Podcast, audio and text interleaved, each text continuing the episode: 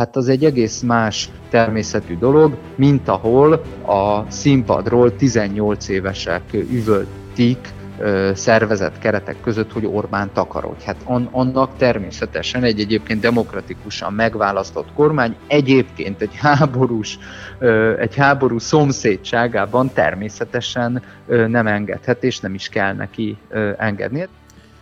Üdvözlöm Önöket, ez a Hetek Originals, Morvai Péter szerkesztő vagyok, mai vendégem pedig Békés Márton történész, a Terrorháza Múzeum kutatási igazgatója. Köszönöm, hogy fogadta a hívásunkat. Én köszönöm a lehetőséget. Két nagyon aktuális tanulmányt publikált az elmúlt hetekben a Látószög blogon a 21. századi bársonyos államcsínyekről és ennek a magyarországi adaptációiról, amelynek egy legutóbbi felvonását itt most láthattuk az október 23-ai ünnepen. A cikkekre mutató linkeket hallgatóink megtalálják videónk leírásában. Az első írás címe pucsvírus, és azzal az állítással kezdődik, hogy, idézem, a 21. századi bársonyos államcsínyek a világjárvány korában virálisan terjednek, szuper terjesztőiket pedig politikai laboratóriumban állítják elő. Hogyan lehet értelmezni a vírus hasonlatot ebben a közéleti politikai vonatkozásban? Hát itt a vírus hasonlat nyilván az elmúlt két évünknek a nagy jelentőségű, egyébként globális, hiszen önmagában is világjárványt jelentő epidémiájára utal, és amikor ilyen nagy jelentőségű világ szintű események vannak, akkor érdemes azokat valamilyen kulturális referencia gyanánt is kezelni, tehát a 19. században az elektromosság, sőt még előbb ugye a, a gőz volt az, gőzgépek voltak azok, amik, amik próbáltak valami magasabb referenciális szintre emelkedni. Itt pedig én azt gondolom, hogy most a vírus, ami hát mégis a globalizáció velejárója, sőt, amiatt globalizáció apparátusai miatt tudott elterjedni. Azt hiszem, hogy túlnőttek azon, hogy pusztán egészségügyi világszerte megjelenő egészségügyi kérdésként kezeljük őket, hanem érdemes kicsit kitágítani, és valamilyen kulturális mém gyanánt, vagy kulturális modell gyanánt kezelni őket, és azt hiszem, hogy a, a 21. század elején megjelenő több hullámban érkező úgynevezett színes forradalmak, egy szerb szakértő szerint ezek inkább a hibrid háborúnak a, a belpolitikai eszköztárához, fegyverrendszeréhez tartoznak, szóval ezek, ezek virálisan terjednek, és bizony példa is van rá, hogy azért a gyakorlatról, meg a politikai megvalósulásról is szó legyen, ne csak kultúra elméletről. Ilyen volt például, amikor 2020 nyarán, őszén eltagadhatatlan módon Lengyelország felől élezgették a Belarus rezsim elleni választási visszaélésekből, arra való reakcióból kiindult tüntetéseket, aztán csak hamar Lengyelországba, hát bocsánat a kifejezésért, de visszanyalt a fagyi, hiszen az év során az abortusz, lengyelországi abortusz szabályok szigorítása miatt Lengyelországban is egy elég dramaturgiáját tekintve, lefolyását, jelszavait tekintve elég hasonló esemény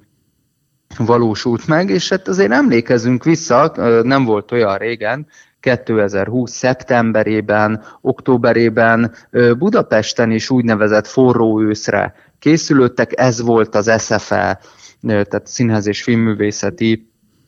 Egyetem épületének elfoglalása, amelyre már 2020 nyarán készülöttek, mégpedig balkáni országokban előzőleg lezajlott egyetemfoglalások videóit és, és elméletét és gyakorlatát tanulmányozva. Szóval mindebből nagyon röviden az látszik, hogy a pandémia, én ezt vettem alapul, nyilván a metafora vagy a, a hasonlat apparátus miatt is, de Közép- és Kelet-Európában mintha ugyanazoknak a jelenségeknek a megvalósulását láttuk volna. Ugye ezt a filmipart is, hogy picit ide vegyem, nagyon hasonló a sorozatok, remake verziók, reboot verziók, és egyáltalán a franchise-ok világához, tehát hasonló szereplők, hasonló jelszavak, hasonló mozgások, mozdulatok vannak jelen, és hát mindegyik valamilyen destabilizációra irányul. A vírusok maguk, mint organizmusok és és szervezetrendszerek valójában a test destabilizálását végzik el. Én pedig úgy gondolom, ez már egy politológiai megállapítás, hogy a, a színes forradalmak a politikai testeket destabilizáló politikai vírusként terjednek. Maradva még ennél a hasonlatnál, hogy a tanulmányában három jellemzőt említ, ami egyaránt jellemző a színes forradalmakra és a vírusokra, az, hogy nagyon gyors, virális terjedésűek, a destabilizálás és a gyors mutálódás.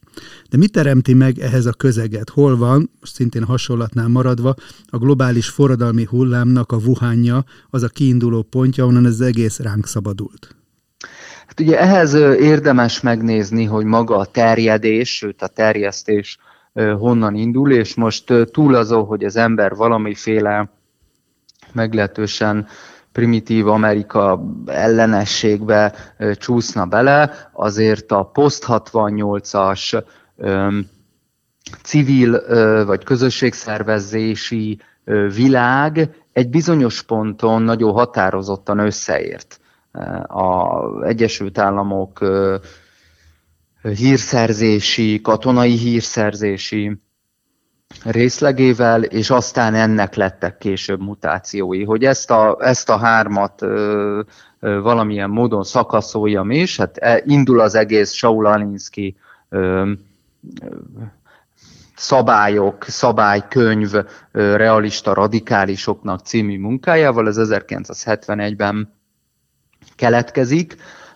amelyből egyébként szakdolgozatot írt Hillary Rodham, a Hillary Clinton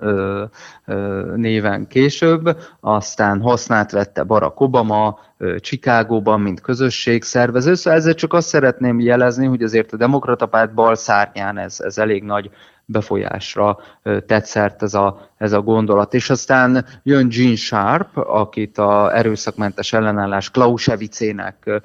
olykor Machiavelliének szoktak nevezni, aki pedig a Harvard Egyetemen működő egyik CIA frontorganizáció keretén belül a pszichológiai hadviselésért felelős szakértőként dolgozza ki a maga tételét a, a non-violence resistance, tehát a, a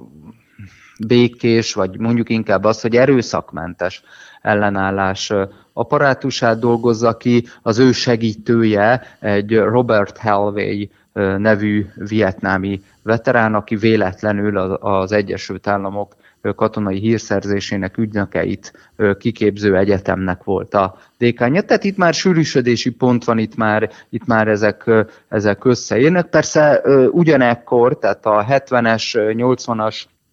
években Moszkva is csinálta ezeket a frontorganizációkat, csak ott a békeharcnak és az új társadalmi mozgalmaknak nevezték ezt, és odaépültek be és aztán megalapítja Gene Sharp a maga szervezetét, ez Albert Einstein intézet néven, amely különböző erőszakmentes ellenállásra képez ki szereplőket. Kezdetben ez leginkább Burmára, tehát Myanmarra volt jellemző, aztán utána megjelent az egykori Jugoszlávia vagy Szerbia, később Kirgizisztán, Ukrajna, Grúzia, és hát pont véletlenségből ezek a országok voltak, ahol az ezredfordulón Jugoszláviában, Szerbiában, 2003-ban 2003-2004 fordulóján Grúziában, illetve Ukrajnában, majd 2005-ben Kirgizisztánban törtek ki színes forradalmak, amelyek meglévő, adott esetben jogos népi elégedetlenséget mutálnak valamilyen rendszerdöntő szándékkal,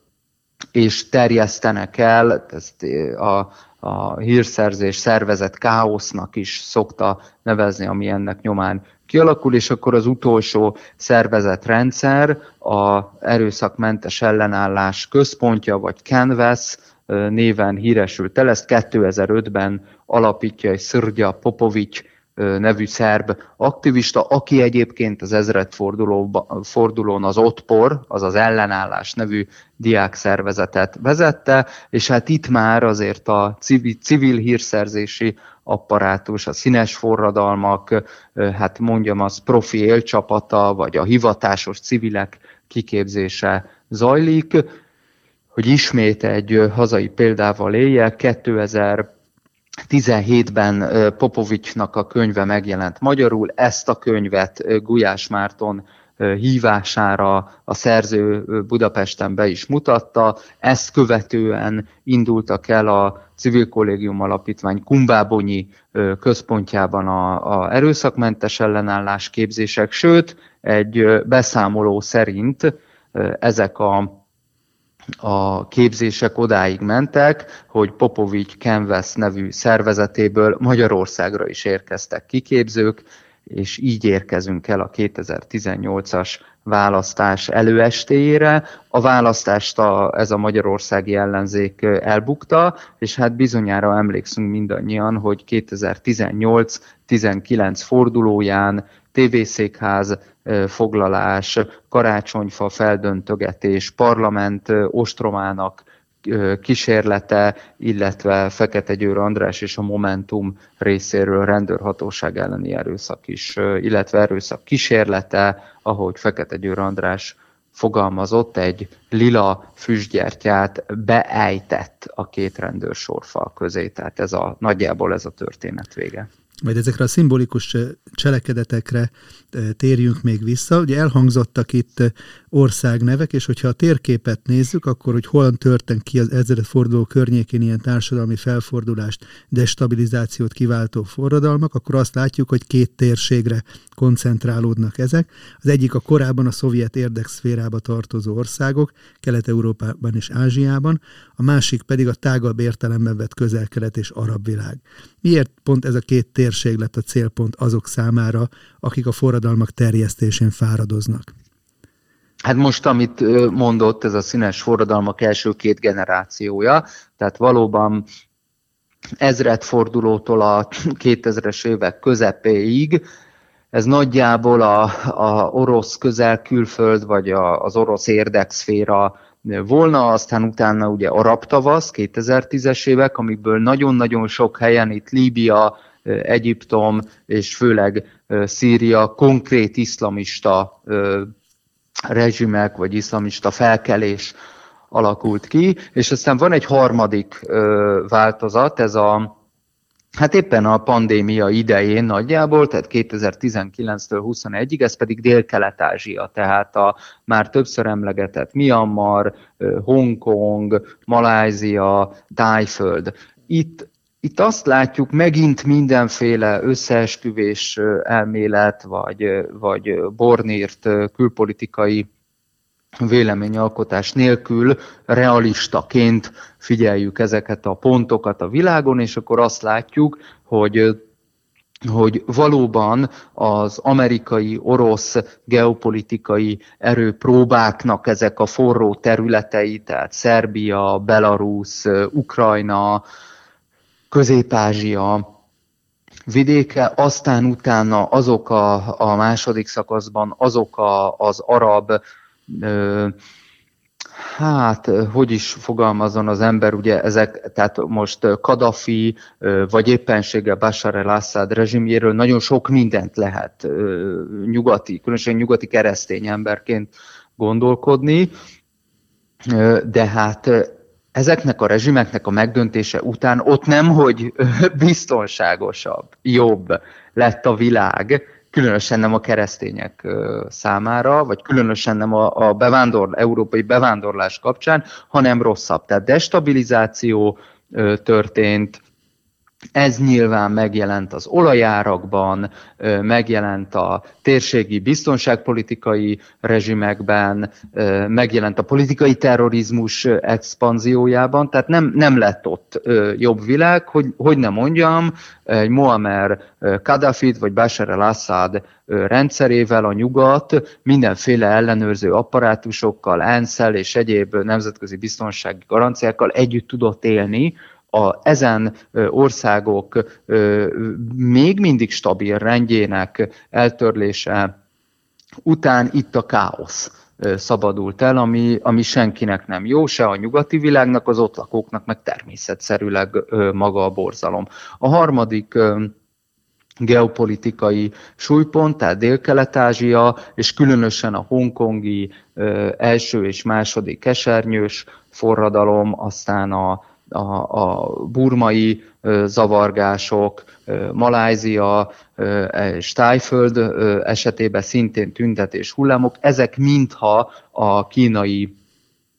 geopolitikai érdekeltség, hát hogy úgy fogalmazzak, challenge tehát kihívás elé állítása lett volna. Természetesen egyik nagyhatalom sem szent, mindegyik nagyhatalom globális, regionális nagyhatalom maga érdekeit képviseli. Itt ugyanakkor, mint ahogy láttuk az arab tavasz kapcsán, játék folyik a, a tűzzel, amelyből destabilizáció, iszlamizmus és Európát is érintő terror hullám vagy migráció sülhet ki. Az egy másik kérdés, és akkor utolsó mondatom ehhez a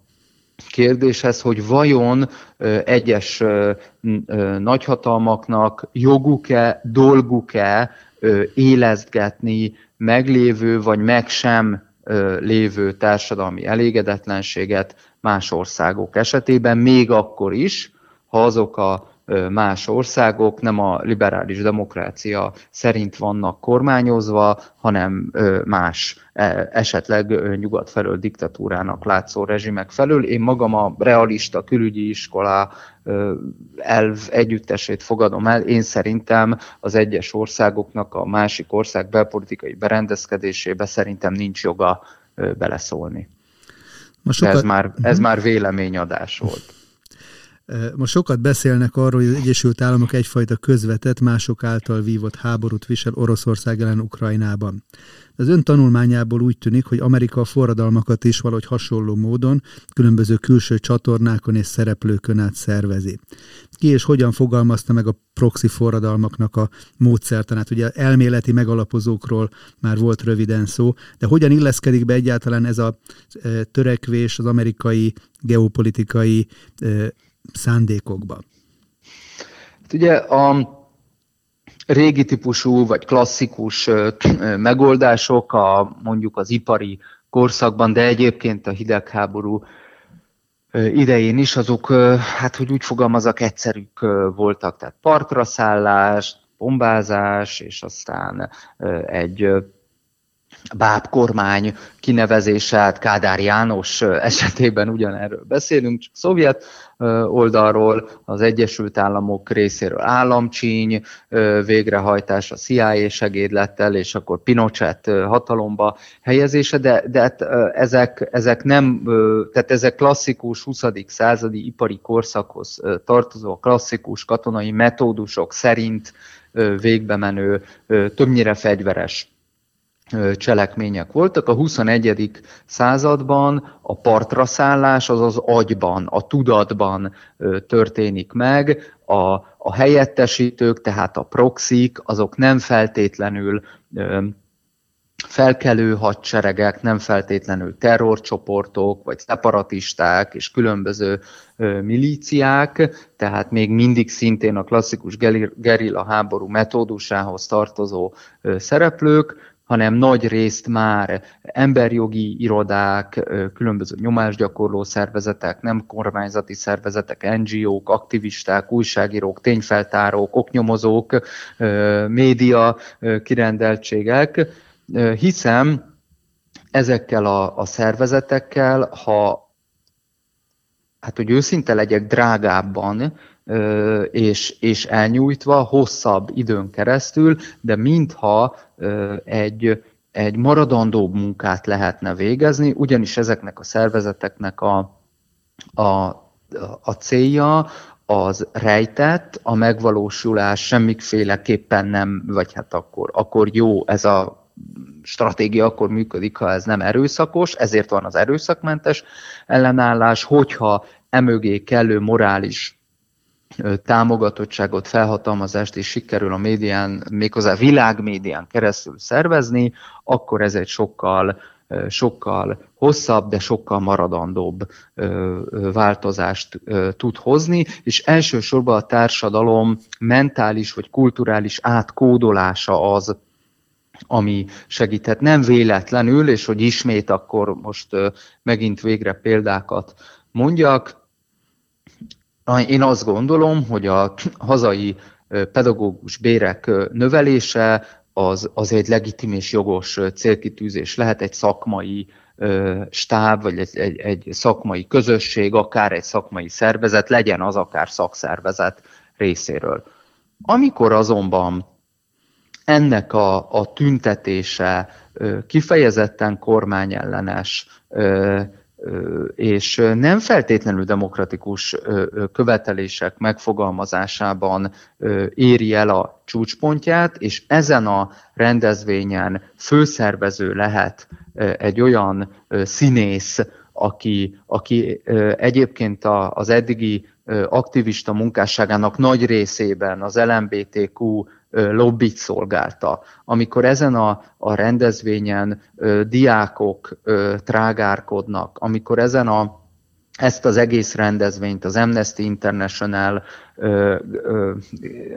gárdája szervezi, ami hát nyíltan és büszkén Soros György által fizettetik, akkor itt nem a, már megint nem a jogos elégedetlenség, a, a, az egyébként klasszikus bérharc metódusa van, hanem itt én azt gondolom, hogy a színes forradalmak háttér szervezésére jellemző erőszakmentes ellenállás, polgári engedetlenség és más egyéb morális felhanggal ellátott szervezett tüntetés zajlik. Ez a, és ez azért probléma, és most Magyar Magyarországon, tehát konkrét esetben azért probléma, mert tőlünk keletre egyébként háború zajlik, tőlünk nyugatra ö, ö,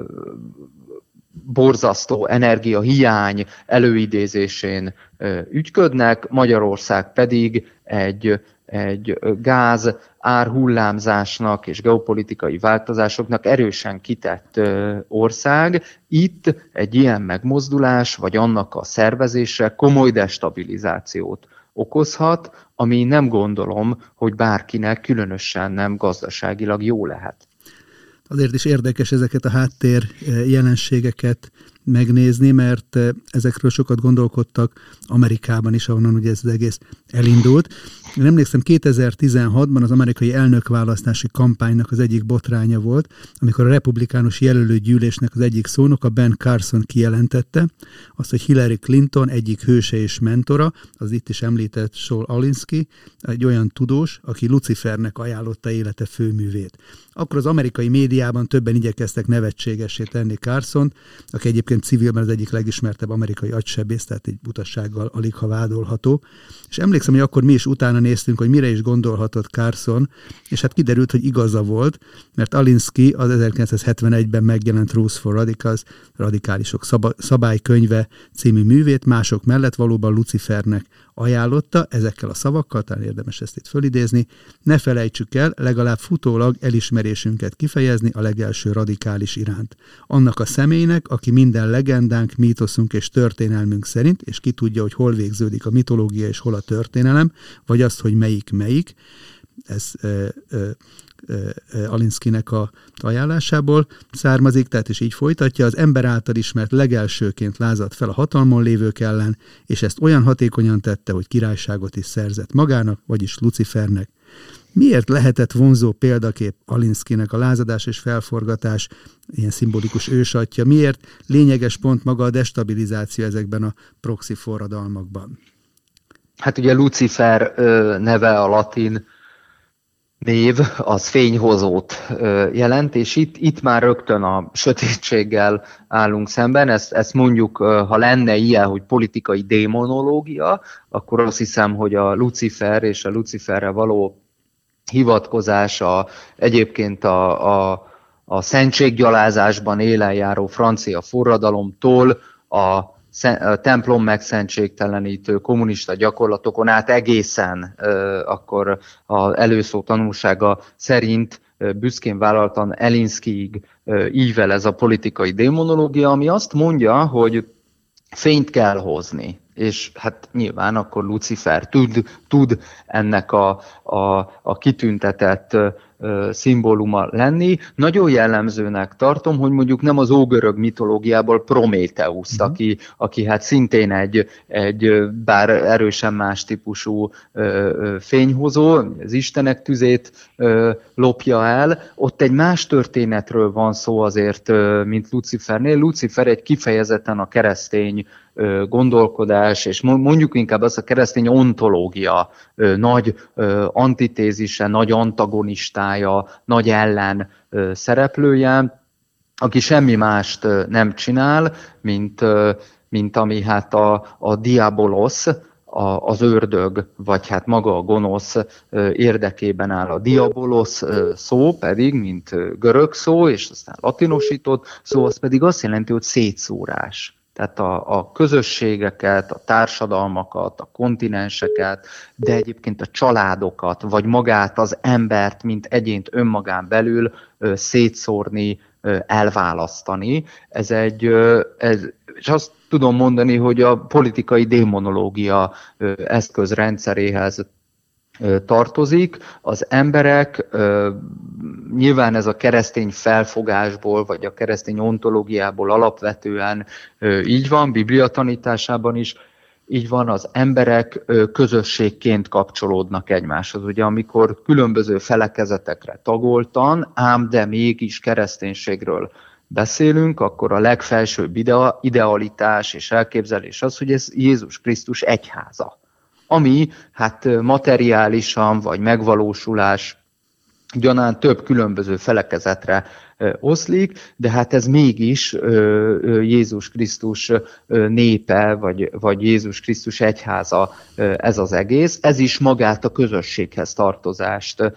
a Krisztusban való közösséghez tartozást jelenti, és minden olyan mitológia, mítosz, amit én egyébként valóságos erőnek tartok, és ezek szerint Elinszki is, ami ezt szét akarja szórni, mint diabolos, vagy úgymond fel akarja világosítani, mint Lucifer, ez mind-mind valójában a keresztény doktrina, a keresztény emberkép, és hát összességében akkor elérünk ugye a, a konvergencia végpontjára, mert hogy Jézus Krisztus ellen való. Amennyiben Elinszki egy ilyen előszót írt, akkor hát biztos tudta, hogy mit csinál. Milyen módon akarják ezek az erőszakmentes ellenállást, erőszakmentes forradalmat hirdető teoretikusok átalakítani a társadalmat? Melyik azok a fundamentumok, amelyeket szeretnének megváltoztatni, vagy akár kihúzni a társadalom alól? Hát ugye gyümölcseiről ismeritek meg őket, ugye mondja már a, az írás is, tehát nézzük akkor a vége felől, mert hogyha elolvassuk Elinskit, meg el, elolvassuk Gene Sharpot, vagy elolvassuk uh, Szörgya Popovics uh, szabálykönyvét, mind, mind a három elérhető uh, magyar nyelven, könnyen hozzáférhetőek, hogyha ezekből indulunk ki, és úgy az eleje felől nézzük, hogy miket javasolnak, akkor ezek stratégiakönyvek, ezek alapvetően leírnak egy metódust, egy, egy, egy, a felkelés technológiáját, vagy a, vagy a szervezett forradalom pucs taktikáját és az államcsinyek stratégiáját. Na de hát ugye amire ez kimegy, azt mégis a vége felől érdemes megnézni. És most nem is javaslom azt, hogy elkalandozzunk Libanon, vagy éppen Grúzia, vagy Belarus, vagy pláne nem Irán, vagy Venezuela irányába, hogy ott egyes helyeken van, ahol sikerült, van, ahol nem sikerült ezt végrehajtani, mert akkor leginkább azt hiszem, hogy visszatérnénk a már jó párral ezelőtti geopolitikai kérdésekhez. Ezt nem javaslom, nézzük a hazai viszonyokat, mert szerintem az a, az a legegyszerűbb. A, a hazai viszonyok között a 2017-től kezdődően, tehát most már lassan öt éve látható, hogy megjelennek magyarul ezek a szabálykönyvek, képzések vannak, NGO tanfolyamok vannak, ösztöndíjak vannak, sőt kiképzők érkeznek Magyarországra, magyarországi ellenzék kiképzésére. Nagyon bajósnak tartom azt, amikor a, vagy tartottam azt, amikor 18-19 fordulóján, a, a karácsonyra készülődés idején történt meg a, a parlament ostromának, vagy körbevételének és nyomásgyakorlásának kísérlete, és akkor ott, ott különböző egyébként a keresztény hát, ünnepkörhöz tartozó eszközök meggyalázása, megsemmisítése, ennek, ennek szerintem nagyon rossz visszhangja volt. Aztán menjünk tovább, mert itt vannak azok a tüntetések és azok a szereplők, akik, és azok a szervezetek, amik gyakran 17-18 éves felszólalókat állítanak színpadra, akik hát én azt gondolom, hogy talán a szüleiknek sem válik és különösen az iskolájuknak nem válik büszkeségére vagy dicséretére az, amilyen szavakat, ahogyan a, a trágárság van, hát valóban topzódva, elmerülve hirdetik, amit hirdetnek. Aztán itt van a már említett Noár mozgalom, ami a hazai LMBTQ lobbinak is a legszélén elhelyezkedve a családellenes propaganda, vagy egyáltalán a, a mondjuk, mondjuk, hát igen, mondjuk úgy, hogy a családellenes propaganda élen járója. Aztán itt vannak azok a célkitűzések, amik rendre meg megfogalmazódnak, hogy a nemzeti alaptantervből a nemzeti dimenziót, a közoktatásból a, hát a, a még egyáltalán benne lévő általános transzcendens, tehát az emberen valamilyen módon túli dimenziót ki kellene venni, és az egésznek a teljesen gyakorlati, materiális, digitalizált irányba kellene elvinni, és mindenféle nemzeti meghatározottságtól elszakítani, valamilyen globális gondolat körébe kellene ezt elvinni. Ugye vannak ilyen pártok is a magyar parlamentben, a párbeszéd, a Momentum, a, a, a Demokratikus Koalíció nyíltan a, a hazafias vagy a nemzeti meggyökerezettségű tudattól való távolkerülés programját vagy Tehát ezek a, ezek a programpontok számomra a felvilágosító és a szétszóró attitűdnek a, a kifejeződései, és hiába telepednek rá egyébként jogos követelésekre, egyébként talán meg is lévő társadalmi elégedetlenségre, ezeket nem megoldani, ezeket nem kanalizálni, ezeket nem minél előbb, hát mondjuk valamilyen demokratikus kormányjal egyet, egyetértésbe megvalósuló döntési pontra akarják elvinni, hanem eszkalálni, kiszélesíteni, és hát amit már az elején is mondtam, a színes forradalmak, vagy a bársonyos államcsínyek, ezek a posztmodern pucsok, ezek már nem a hatalom átvételt ö, ö, közvetlenül célozzák, hanem inkább a szervezet káosz vagy a bizonytalanság elmélyítésében érdekeltek. Én úgy emlékszem, hogy a rendszerváltás nagy katartikus tüntetései, mondjuk a vízlépcső vagy az erdélyi falurombolások ellen, amelyek zajlottak, egészen más hangulatok voltak, teljesen hiányzott például belőlük az itt is említett nyilvános trágárság. De talán próbáljunk egy tesztet csinálni, hogy mennyire is sikerült a magyar tanítványoknak átültetni ezeknek a mestereknek a tanítását, és fölírtam véletlenszerűen néhányat Gene Sharp 198 pontjából, nem az összeset, uh-huh. csak néhányat. Nézzük meg, hogy találunk-e példát ezekre a hazai tüntetések történelméből. Mehet egy ilyen próba? Hogyne, egy teszt. Akkor az első, szó szerint idézem a 198 pontnak a, az egyik némelyikét. Tehát az első így hangzik, hogy civil engedetlenség, gyülekezés vagy találkozó feloszlatásának a visszautasítása. Hát ugye ezeket nyugaton, ha például megnézzük a magukat zöldnek nevező, most már egészen szélsőséges klímaaktivista tüntetéseket, azoknak a, a, az, azok erre mennek ki, hogy ezt kiprovokálják. Idehaza az ilyen próbálkozásoknak egyetlen nagyon hatékony, nagyon operatív és nagyon kiváló ellenszere van, amit a magyar rendőrség is tanúsít, humánum, emberségesség, türelem. Tehát azért olyan ö, ritkán van, és nyilván ö, 2006 ö, rendőrterrorja óta különösen már csak legitimitási, és természetesen rendőrszakmai okokból sem történhet soha, még egyszer különösen jobboldali kormányzat alatt olyan, tehát azért a hazai rendőrhatóság fellépése az, az rendkívül humánus. Ennek ellenére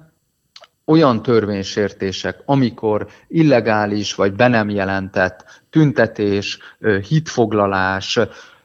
parlamenti ostrom kísérlet történik, akkor természetesen az alkotmányos rendet, illetőleg egyébként a más állampolgárok szabad tér, tér használatát biztosítani kell a, a rendőrhatóságnak. Ezekből a, viszont a magyar rendőrség helyes, okszerű, szakmailag kifogástalan és mondom még egyszer humánus fellépése miatt még a jogvédő szervezetek sem tudtak kiprovokálni olyan rendőrségi fellépést, ami valóban törvénysértő lett volna. Tehát itt most én nem is erre hoztam példát, hanem ennek a hatékony kezelésére hoztam példát. Az azért látszik, hogy amikor akár Noár, akár más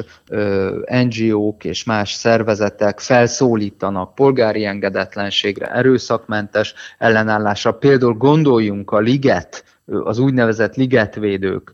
tüntetésére, akkor erre jól látható szervezet begyakorolt példák voltak, hogy a rendőrhatóságból, biztonsági örökből kiprovokáljanak olyan erőszakos fellépést, amely jogos ö, társadalmi ellenérzést váltanak ki a hatóságok ellen, és akkor már elindul egy olyan ö, morális és egy olyan ö, politikai hangulat, ami aztán a rendőrhatóság ö, után a, a törvényes hatalom ellen irányulhat. Ugye a civil engedetlenséggel kapcsolatban hadd kérdezek erre rá, rendszeresen föl szokták emlegetni azt, hogy ez a jelenlegi kormány oldal részéről sem volt példa nélküli, mert 2006-ban történt az úgynevezett kordonbontása Kossuth téren, ahol szintén egy ilyen demonstratív akció keretében Orbán Viktor és más képviselők lebontották az ott emelt kordonokat. Mennyiben lehet ez párhuzam, vagy, vagy érvényes ez a fajta visszaválasz a kritikusok hát most részéről. Visszatérve a Elinszki ajánlására, az, az, hogy törvényes, megválasztott mentelmi jog által védett parlamenti képviselők eltávolítanak egy kordont, úgy önmaguk néhány tucatnyian, az nem gondolom, hogy mondom, Elinszkire utalva ördögtől való lenne, de amikor szervezett és az elégedetlenséget még pluszban fel is keltő, különböző pucs technikákra kiképzett főszervezők által mozgósítva történik hitfoglalás, épületblokkád, televízió székház elfoglalás, vagy annak kísérlete, parlament épülete elleni, vagy pártszékház elleni demonstráció, vagy nyílt erőszak, az azt gondolom, hogy teljesen más tematikába illeszkedik. Maga az erőszakmentes ellenállás adott esetben a polgári engedetlenség része természetesen a, az alkotmányos viselkedésnek, de azért azt pontosan jól látjuk, hogy azok a tüntetések, amik itt mondjuk az elmúlt öt évben lefolytak, hát azok, azok a provokációról szóltak. Ott nem az történt, mint például a kiegyezés idején, a passzív ellenállás, vagy nem az történt, mint 56 utóhatásaként egy hatalmas sztrájkmozgalom, és nem az 56 ugye második, tehát utolsó hónapjaiban, vagy például a rendszerváltoztatás idején a spontán, vagy a, a társadalmi szervezetek által utcára hívott emberek számára az egyébként teljesen békés és, és jó szándékú, magasztos megmozdulások, hát itt egészen más szervezett tüntetésekről van szó. Nézzünk akkor egy másik pontot Gene Sharpnak a listájáról. Ez így szól, személyek nyilvános megszégyenítése, kiközösítése. Hát erre, erre ugye számtalan példát találunk. Nyilván mindannyiunk fel tudja oldani az O1G rövidítést, ami egy tipikus,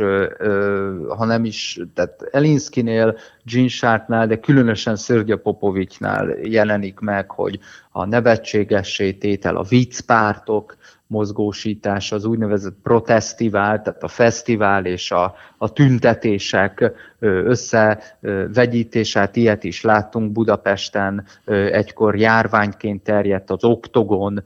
térnek az elfoglalása, és ott a, a, a betonon való ücsörgés, aztán a, a hidakra kivitt kábítószer, alkohol használattól sem éppen tartózkodó kétfarkú kutyapárt által szervezett tüntetések. Itt most az elmúlt napokban, hetekben ugye előfordult Pintér Sándor, mint az oktatás minisztériumi felügyelőjének, vagy közoktatás minisztériumi felügyelőjének papírmasé bábja és annak a megdobálása, tehát ezek, ha ugye első ránézés is olyan gyerekesnek tűnnek, valójában a tüntetésszer, tehát a profi tüntetés szervezés apparátusához hozzátartozó eszközök, ezek, ezek rendre, rendre megjelennek, és aztán az Elinski módszer lényege az, hogy oszt két részre a társadalmat, az egyik oldalán kisebbségbe legyen a hatalom, a másik oldalán meg szervez többséget magad köré, különböző morális felháborodásból és és ilyen erkölcsi, etikai dimenziókat mozgósítva, hát a jelenlegi kormány, jelenlegi kormányfő mind főgonosz kijelölése a sajtóban, az ellenzéki mozgalmak részéről, ez gyakorlatilag évtizeden napi renden van, tehát ezt pontról pontra látjuk megvalósulni. Egy következő az így hangzik, szimbolikus fények, jelképek és színek használata. Hát ezt pedig ők maguk vallják be, tehát amikor a mostani tanár tüntetésnek az én szerintem eltérítése és eszkalációja zajlik, akkor ismételten Noár, azért térek rá vissza, mert ő ennek főszervezője is, mint színházi ember, azért a dramaturgiához, forgatókönyvhöz is talán ért, és ő maga vallotta be az egyik ellenzéki hangvételű portálnak a adott nyilatkozatában, hogy ezt a bizonyos körbeírt felkiáltó jelet, ezt ő maga ötlötte ki, de hát Szörgya Popovics szintén ír a könyvében, hogy a magas, tehát a feltartó tököl, ami az ottpor szimbóluma volt, hogy az hogy keletkezett, de ugyanilyen a, a tanítanék mozgalom,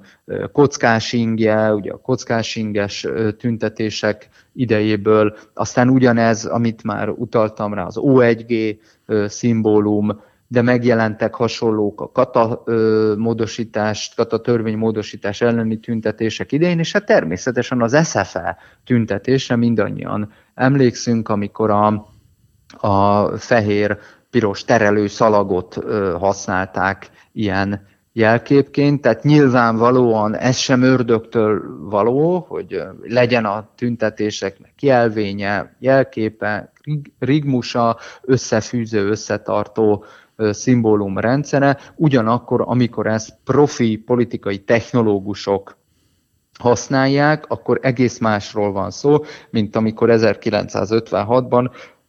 spontán egymástól egyébként elszigetelt tüntetéseken ugyan, de nagyjából egy időben megjelenik a lyukas zászlónak a, a szimbóluma, tehát az egy nemzeti forradalom, egy spontán felkelés, itt pedig a, a szervezett tüntetések brand eleméről, reklámszerű ikon gyártásáról van szó. Talán még egy jutott eszembe, hogy a fények kapcsán, amit nem csak Magyarországon, máshogy... Bocsáss meg, Igen. ne haragudj. Épületkivilágítások, ugye, amit a a kétfarkú kutyapárt is, de talán a párbeszéd párt is, vagy a Momentum is csinál, ugyanilyen a feltartott ugye világító telefonok, ami 2014 őszén megjelenik Hongkongban, a esenyős tüntetések idején, és hát láss csodát, néhány hét múlva a netadó elleni tüntetésen Magyarországon, és azóta ez a világító, feltartott telefon, amikor ott egy, egy fény, folyosót képeznek, többnyire jól látható, jól fényképezhető módon hidakon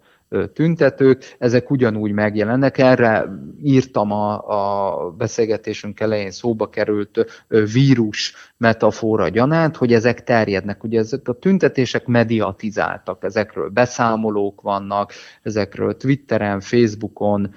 Redditen, Youtube-on, mindenhol lehet látni, hogy ez hogy működik, és ezek a, a helyi tüntetők ezeket, ezeket átveszik, ezek nagyon látványosak, emlékezetesek, ezek a fotók sajtóban, médiában elővehetők, használhatók. Itt már szóba került röviden a kockásing, de van egy ilyen pontja is Gene Sharpnak, ami azt javasolja, hogy szimbolikus ruhadaraboknak a használata. Milyen példát láthatunk még a kockásingen kívül itt Magyarországon? Hát ugye volt a magyarországi baloldali képviselők által a, a fehér sapka, a fehér sál uh-huh. jelképe például még egy ciklussal ezelőtt, aztán itt volt a fekete ruhás nővér, bár ugye fekete ruhába öltözött kórházi ápolók, nővérek, ez én azt gondolom, hogy egy nagyon negatív hangulatot kelt, rossz, hogy is mondjam, felkavaró is talán, de nyilván, hát éppen ezért ennek a, a, a szokatlansága volt az, ami mondjuk tüntetés dramaturgiában ezt előhozta. Hát a kockás ing hordása, sőt most már van kockás zászló is, meg ö, egyéb e, ugye kitűző is a tanítanék mozgalom részéről, tehát ugye ez, ez például a kockás ing az egy nagyon jellemző, és ezek mindig úgy alakulnak ki, hogy az adott politikai képviselő vagy politikai hatalomnak valamilyen ö, szereplője mond valamit, mond egy beszédet, adott esetben van egy rossz mondata, hibázik, és akkor arra tiltakozás gyanánt húzzuk fel a kockás inget, arra tiltakozás gyanánt jön a, a fehér ruha, vagy éppen a, a fekete ruha. Tehát ezek, ezek mindig kontextusában, mindig dramaturgiájában kell ezeket, vagy lehet ezeket jól végigkövetni. Lehetne folytatni még a pontokat, én még csak egyetre szeretnék rákérdezni, ami így szól, hogy alternatív kommunikációs rendszerek, mint társadalmi beavatkozás eszközei. És itt arra lennék kíváncsi, hogy itt Magyarországon milyen alternatív kommunikációs csatornák jelentek meg az elmúlt években, amelyek ilyen összetartó erőként szolgálják ezeket a forradalmi törekvéseket? Hát ilyen, tehát sikereset, ami olyan valóban országosan nem tudnék mondani, tehát azért mint a, a Belarus tüntetések idén a Nexta csatorna, azért, azért Magyarországon ilyen nem jött létre. Volt kísérlet arra éppen, hogy az IVI egykori fejlesztői létrehoznának egy alternatív social media felületet az ellenzéki érzelműeknek. Ez, ez nem sikerült. De hát aztán van nyomtas te is mozgalom, mozgalom, például amit ugye éppen Márkizaj Péternek volt a egyik Libling kezdeményezés, aztán van a civil bázis, van az Ahang mozgalom, ami, ami szintén beáll különböző szervezések mögé, aztán itt vannak olyan portálok, olyan Facebookon jelenlévő eszközök, amelyek multiplikálják és megsokszorosítják és, te, és szervezik, terjesztik az ellenzéki hangvételű hangokat a, a, a médiában. De hát azt gondolom, hogy azért a magyarországi el, kormánykritikus vagy ellenzéki, de hát semmiképpen nem objektív, független ö, sajtó, ö, egy olyan sincs talán ma már, amelyik ne szervezne magának belső kört, előfizetőt, ö, plusz tartalmat, ezek is nyilván hát közösségképző erővel rendelkeznek. Azt nem tudom megállapítani, hogy ezek, ezek milyen hatásfokot tudnak elérni. Egyébként ide sorolható, ezek közé sorolható mondjuk a Partizán, és amelyik azért, mint egy média csatornaként egy széles palettán készít műsorokat, Alter, beszélgetéseket. Alternatívnak abból a szempontból nem mondanám, mert ott láthatóan egy, egy régi struktúra, tehát már réginek számít, ugye YouTube-on elérhető csatornáról van szó, abból a szempontból persze alternatív, hogy ő maga azt mondja magáról, hogy ő alternatív közmédia. E, nyilván a háttérfinanszírozása kapcsán, hangvételek kapcsán nem erről van szó, de igen, hát a, igen, igen, jogos a, a felvetés, tehát azt hiszem, hogy ott erről van szó, ugye ott ők vállalják is, hogy honnan származik a, a, a finanszírozás, és hát az elmúlt négy évben azért a Partizán elég nagyra is tudott nőni, valóban egy broadcast minőségű, ám bár nem televízióban, vagy nem hagyományos, klasszikus média struktúrában látható, fogható, elérhető, hanem a YouTube-on elérhető. Azt hiszem, hogy ha, ha szeretnénk egy ilyet kijelölni, akkor, akkor az lehetne az igen. Talán ennyi példából is látható, hogy szorgalmas diákjai vannak idehaza is a forradalmi kiskátéknak, de a megbízóik talán mégsem lehetnek igazán elégedettek, mert a neki lendülések mind elültek az elmúlt 10-12 évben. Így összegezve mit lehetne mondani, hogy miért sikertelen, vagy nagyjából sikertelen Magyarországon a színes forradalom exportja? Színes forradalomhoz több minden kell, tehát azért az, hogy, az, hogy legyen egy meglévő elégedetlenség, amit aztán lehet szélesíteni, kiterjeszteni más társadalmi csoportokra, átvinni, mélyíteni, szélesíteni, ez szükséges. Én azt gondolom, hogy Magyarországon egy ilyen kritikus elégedetlenségi tömeg azért nem állt össze. A, és erről is már beszéltünk, hogy az, hogy az adott kormányzati hatalom, az, hogy az adott ö, ö, kihívás elé állított ö, kormányzat, vagy annak különösen erőszak apparátusa hogy lép fel, azért az döntő jelentőségű. Magyarországon a társadalmi rend, stabilitás, mérsékelt, ö, ö, rendőrhatósági intézkedés abszolút jellemző. Tehát tehát itt nem lép fel úgy a, a, a hatalom, mint mondjuk más országokban, és azt pontosan látjuk, hogyha az erőszak mentes ellenállással szemben rendőri erőszak van, akkor az elvezethet bizony hatalomváltáshoz, elvezethet a társadalmon belül a morális felfogás megfordulásához, és akkor, akkor veszélybe kerül a, az adott rezsim, de Magyarországon én azt gondolom, hogy a kormányzat részéről hatékony és a rendőrhatóság részéről humánus beavatkozások és, és rendfenntartás zajlik. Más kérdés, hogy azért Magyarország kívül van azon a térségen, amely, amelyben ezek a, az események zajlani szoktak, tehát Magyarország nem egy balkáni, vagy adott esetben egy kelet-európai, pláne nem közép, sőt, főleg nem kelet-ázsiai ország, vagy észak-afrikai, közel-keleti, tehát Magyarország egy, egy és ez nem minősítő tényező volt semmiképpen, csak a mi geopolitikai szituációnk más, hát azért Magyarország, Európai Unió, NATO, Euróatlanti integráció, szerves része, annak ellenére,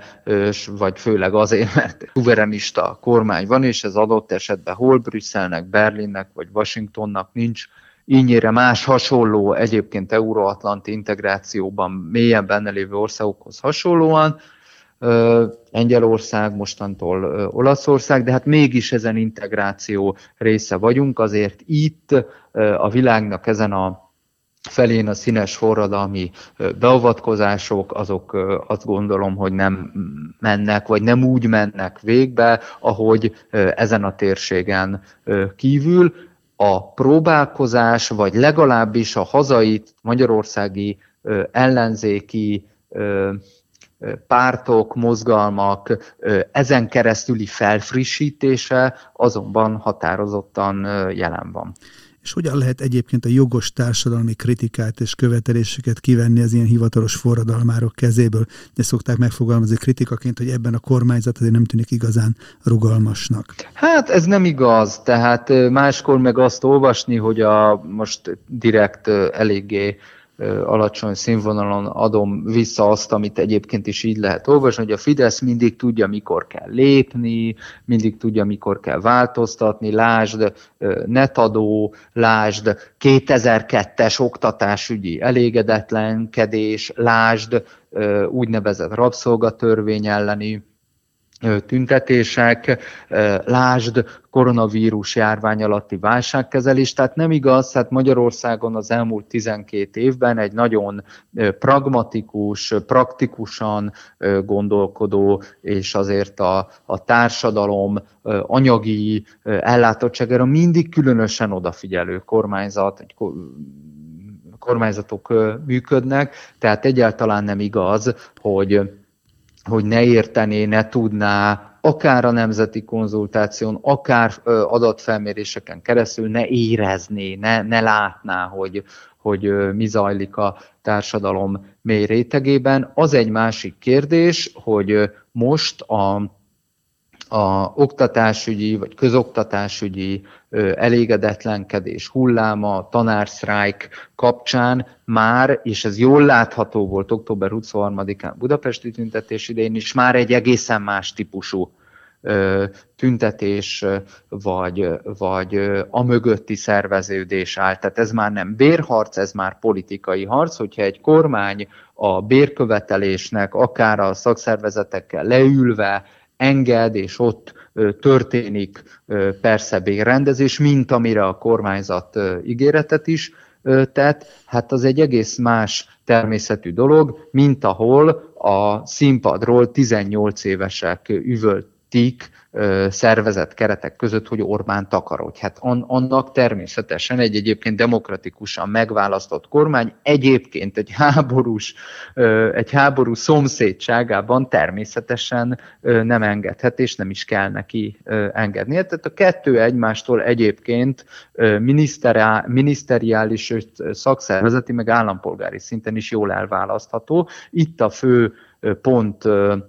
fő törekvés az, hogy a kettő ne váljon el egymástól, de a kormánynak hatékonyan, stabilan el kell választani ezt a kettőt egymástól.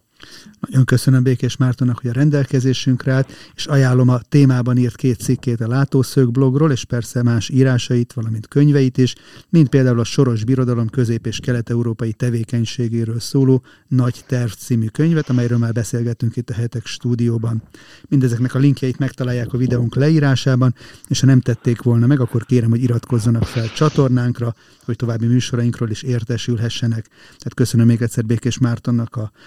részvételt, beszélgetést, és köszönöm az önök figyelmét is a viszonthallásra. Köszönöm.